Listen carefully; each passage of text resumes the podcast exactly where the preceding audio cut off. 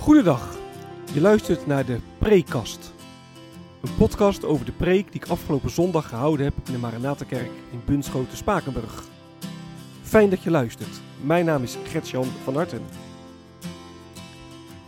Wat kun je verwachten van deze podcast? De Preekast bestaat uit vier onderdelen. Ik begin met een korte introductie van de tekst waarover ik gepreekt heb. Vervolgens geef ik een korte samenvatting van de preek zelf. En met korte samenvatting bedoel ik ook echt kort. Tijdens mijn opleiding heb ik geleerd dat preken schrappen is. Niet alles wat je in de voorbereiding gevonden en bedacht hebt, kan terugkomen in de preek. Wat heb ik laten liggen wat het overdenken wellicht waard is? Daar wil ik het over hebben in het derde deel van de preekkast. En tenslotte sluit de preekkast af met een aantal verwerkingsvragen. Vragen die je kunnen helpen om de preek te overdenken en of toe te passen. Ik wens je veel luisterplezier.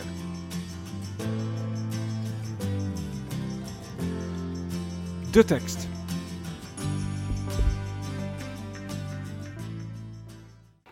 De preek ging over 1 Petrus 2, vers 1 tot 3. Nou, zo'n kort gedeelte. En Petrus schrijft daar: Ontdoe u dus van alles wat slecht is, van alle bedrog en huichelarij, alle afgunst en kwaadsprekerij. En verlang als pasgeboren zuigelingen naar de zuivere melk van het woord, opdat u daardoor groeit en uw redding bereikt. U hebt toch ondervonden hoe goed de Heer is. De preek.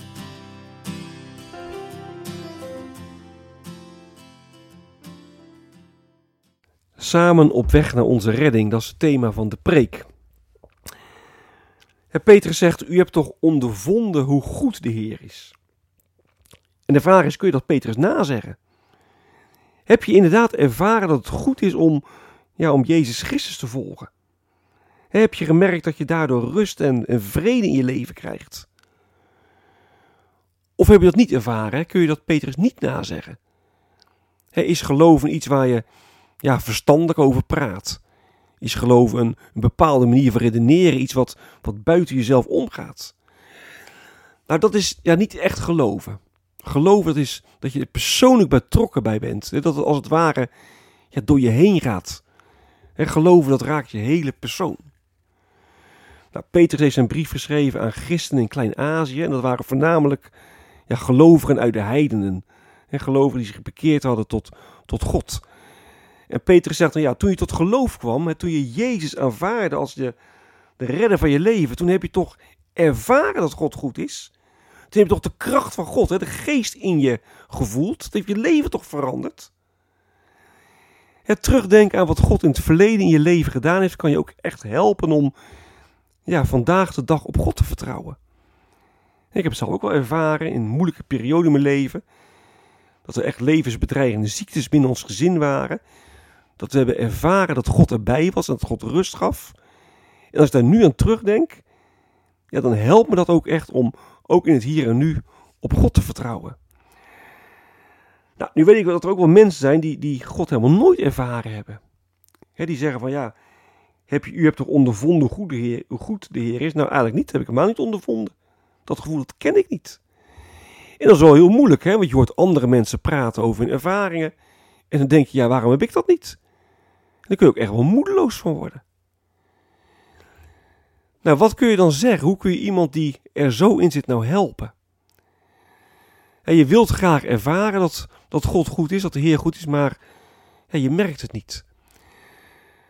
Nou, ik denk dat verlangen, dat je er echt wil, dat je merkt, hè, ik, ik mis wat, dat gevoel, dat, dat je daar echt aan mag vastgrijpen. Want ik ben er echt van overtuigd dat dat een teken is dat de Heilige Geest ja, in je werkt. Want anders zou je er nooit naar verlangen. Dan zou het je om het even zijn of je wel of niet hebt ervaren dat God goed is. Kijk, en als het om het even is, als je je koud laat, ja, dan, dan heb je een ander verhaal, hè, dan moet je je bekeren. Maar als je dat verlangen wel hebt, dan mag je echt daardoor laten bemoedigen. God is met je bezig.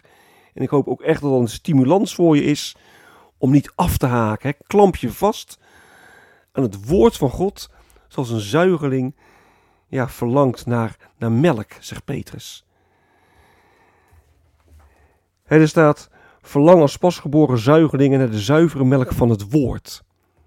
En bij het woord denken wij als vanzelf aan, ja, aan de Bijbel, hè, aan het woord van God. Verlangen naar het woord, dat betekent dan verlangen naar de inhoud van de Bijbel. Lees het, overdenk het, uh, praat met elkaar over door. Maar ja, wat als je nou geen, geen lezer bent? er zijn mensen die zeggen, nou, als ik het weerbericht in de krant lees, dan weet ik aan het, aan het eind dan niet meer, wat ik aan het begin gelezen heb. Ik heb er gewoon echt geen concentratie, geen geduld voor. Nou, als je nou geen lezer bent, is dan je geloof niet goed? Nou, je moet goed onthouden dat wij christenen geen boekgeloof hebben. Het gaat niet om, om het lezen op zich natuurlijk. Een kenmerk van een christen is niet dat je altijd je neus in de Bijbel hebt. Maar het kenmerk van een christen is dat je ja, aan Christus verbonden bent. Daar gaat het om. In 1 Petrus 1 vers 25. Daar zegt Petrus, het woord van de Heer blijft eeuwig bestaan. Dit woord is het evangelie dat u verkondigd is. Dat is het evangelie van Christus. En verlangen naar de zuivere melk van het woord, dat is verlangen naar Jezus Christus, naar het levende woord. He, verlangen naar het woord opdat je je redding bereikt, zegt Petrus in vers 2. En die redding, dat weten we vanuit 1 Petrus 1 vers 4 en 5, dat is de erfenis die op ons wacht. Het eeuwige leven met God, het eeuwige leven op de nieuwe aarde. We moeten verlangen naar de zuivere melk van het woord. Er is ook niet zuiver melk. Alles wat, wat tekort doet aan Christus, alles wat tekort doet aan zijn werk, aan zijn genade, zijn liefde, dat is niet zuivere melk. Het is niet zuiver als mensen op zichzelf teruggeworpen worden. Als het tekort wordt gedaan aan ja, wat God in Christus aan ons geven wil. Nou, het zuivere woord leert het evangelie van Christus. En dat evangelie laat zien dat er geen redding is ja, buiten hem om. En vandaar die oproep hè, van Petrus. Verlang als pasgeboren zuigelingen naar de zuivere melk van het woord. Verlang naar Christus. wie is Jezus voor je? Verlang je echt naar een leven met Hem? Of denk je dat je het ook wel zonder Hem kunt redden? Het gaat echt om je redding. En Petrus zegt: Kom op, verlang naar. Verlang naar al het goede dat Christus uh, wil geven. Ontdoe je, dus, ontdoe je dus van wat slecht is, staat er dan in vers 1. En dan noemt Petrus vervolgens vier zonden. Hij zegt bedrog, huigelarij, afgunst en kwaadsprekerij. En hij noemt bewust deze zonden, want dit zijn de zonden die de eenheid van, van de gemeente in gevaar brengen. Ja, deze zonde werkt door als een gif. De onderlinge liefde die verdwijnt erdoor. En daarom moet je je tegen vechten. Het past niet bij een leven met Christus. Vechten tegen de zonde, niet om, om bij Christus te mogen horen, maar vechten tegen de zonde omdat je bij Christus hoort. Nou, verlangend naar Christus en vechten tegen de zonde mogen we groeien in het geloof. En dat mogen we persoonlijk doen, maar ook samen met elkaar ja, als, uh, als gemeente. En we mogen elkaar helpen om daarin te groeien. Door ons dus te ontdoen van alles wat slecht is. Je kunt ook zeggen door, ja, door het tegenovergestelde te doen, door alles te doen wat goed is. Dus geen bedrog, maar, maar waarheid spreken. Ja, dat kan soms heel confronterend en pijnlijk zijn, maar als je dat liefdevol doet, en met het oog op herstel, ja, dan, ja, dan werkt dat genezend. En niet huigelen, maar oprecht zijn. En er gaat ook iets van, vanuit in deze wereld. Als je gewoon oprecht kunt zijn, dus ook gewoon eerlijk kunt zijn over je tekortkomingen, over je worstelingen, over je vragen, over je twijfels. En dan kunnen anderen je ook weer helpen. Dan kunnen anderen je bemoedigen, voor je bidden. Dat werkt zo samenbindend. Niet afgunstig zijn, maar elkaar in de gemeente ook het, licht in de ogen gunnen. En niet kwaad spreken over elkaar, maar elkaar prijzen. En zien wat God in en, en door die ander doet. En benoem dat ook maar naar elkaar toe. dat je zegt, dat ik het moeilijk had, heb je me meegeleefd. Het heeft me goed gedaan. Ik heb daarin echt een stukje zorg van God gezien. Ik heb ja, God zelf erin gezien. Of hoe jij omgaat met je ziekte, daar leer ik ook enorm veel van. Dat helpt mij ook om, om God te vertrouwen. Nou, zo bouw je elkaar op en, en, en zo groeit de gemeente. Bouw je mee, iedere steen is er één. Wat is blijven liggen?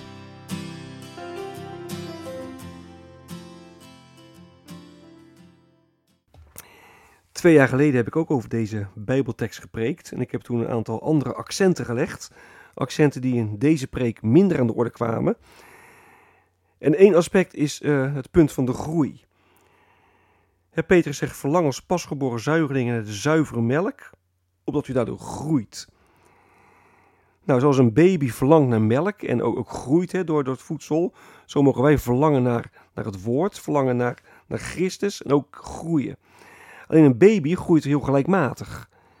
Terwijl de geloofsgroei vaak veel ja, schokkender gaat. Dat is niet, niet lineair, maar dat is met, met vallen en opstaan. En nou, ik zeg vaak, hè, de ene dag doe je drie stappen vooruit. En een dag later doe je vijf stappen terug. En dan doe je weer zes stappen vooruit. Dan één stap terug. Dat gaat veel meer met pieken en dalen. Dus groei, geloofsgroei is niet lineair. Je begint klein, je wordt steeds groter, groter, groter, groter, groter. En dat gaat allemaal vanzelf. Nee, dat wordt aangevochten en dat gaat met, ja, met pieken en dalen. Je kunt ook benadrukken dat je wel enorm mag genieten van groei. wij zijn vaak geneigd om te zeggen, om te kijken naar wat we niet hebben. Ik heb eh, mijn geloof nog niet zo groot, het is niet goed genoeg, het is te weinig, ik heb te weinig vertrouwen, ik zou meer dit, ik zou meer dat moeten doen. Terwijl je ook echt wel mag genieten van de groei die Christus geeft. En net als een baby. Als een baby uh, na een aantal maanden zichzelf kan omdraaien, dan geniet je ervan. Zie je, die baby's groter worden. Het kan nu omdraaien. Zeg, prachtig. En zeg niet van, hé, wat vervelend dat deze baby nog niet kan lopen. Nee, natuurlijk niet. Dat komt wel. Je moet genieten van de groei. Genieten ja, van alles wat, wat God geeft. En dan kun je ook dankbaar zijn. Dankbaar zijn voor ogenschijnlijk kleine dingen die God in je leven doet. En uh, nou, als je daar, daar een open oog voor hebt, kan je ook dat weer helpen om, om verder te groeien. Het aspect van de groei, daar kun je dus veel meer over zeggen. Hoe groeien en hoe kun je die groei stimuleren? Een ander aspect dat ik in deze preek niet uh, uitgebreid heb behandeld, maar dat ook wel vanuit de tekst uh, duidelijk wordt, is echt de noodzaak om uh, verbonden te zijn met Jezus Christus. Kijk, een pasgeboren zuigeling die redt het alleen maar dankzij de melk van zijn moeder. Nou, zo redden wij het alleen maar dankzij onze verbondenheid met Jezus Christus. Ik heb er wel kort iets over gezegd, maar ik heb het niet uitgebreid behandeld, omdat ik dit in de preek van twee jaar geleden al aan uh, de orde heb gesteld. Verwerkingsvragen.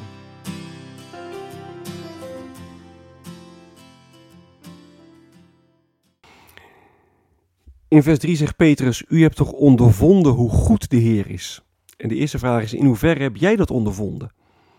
Kun je dat inderdaad Petrus nazeggen? De Heer is goed. Dat heb ik gemerkt. De tweede vraag is: ben je in het afgelopen jaar in je geloof gegroeid of niet? En ja, hoe meet je dat nou, geloofsgroei? Petrus roept op: je moet groeien in geloof. Maar hoe meet je dat nou? Petrus zegt: ontdoe je van alles wat slecht is. En hij vraagt dan: nou, hoe doe je dat dan? Hoe ontdoe je nou van alles wat slecht is? Hoe kun je nou dat gevecht tegen de zonde aangaan? En de laatste vraag gaat over de zuivere melk. Dus er is dus kennelijk ook onzuivere melk. En kun je daar voorbeelden van geven? Wat zijn nou voorbeelden van onzuivere melk? Dit is het einde van de prekast. Mocht je vragen of opmerkingen hebben, dan kun je me mailen op mailadres van hartengretjan.gmail.com van hartengretjan.gmail.com Ik wens je nog een hele prettige dag. Hartelijk dank voor het luisteren. En wie weet tot een volgende keer.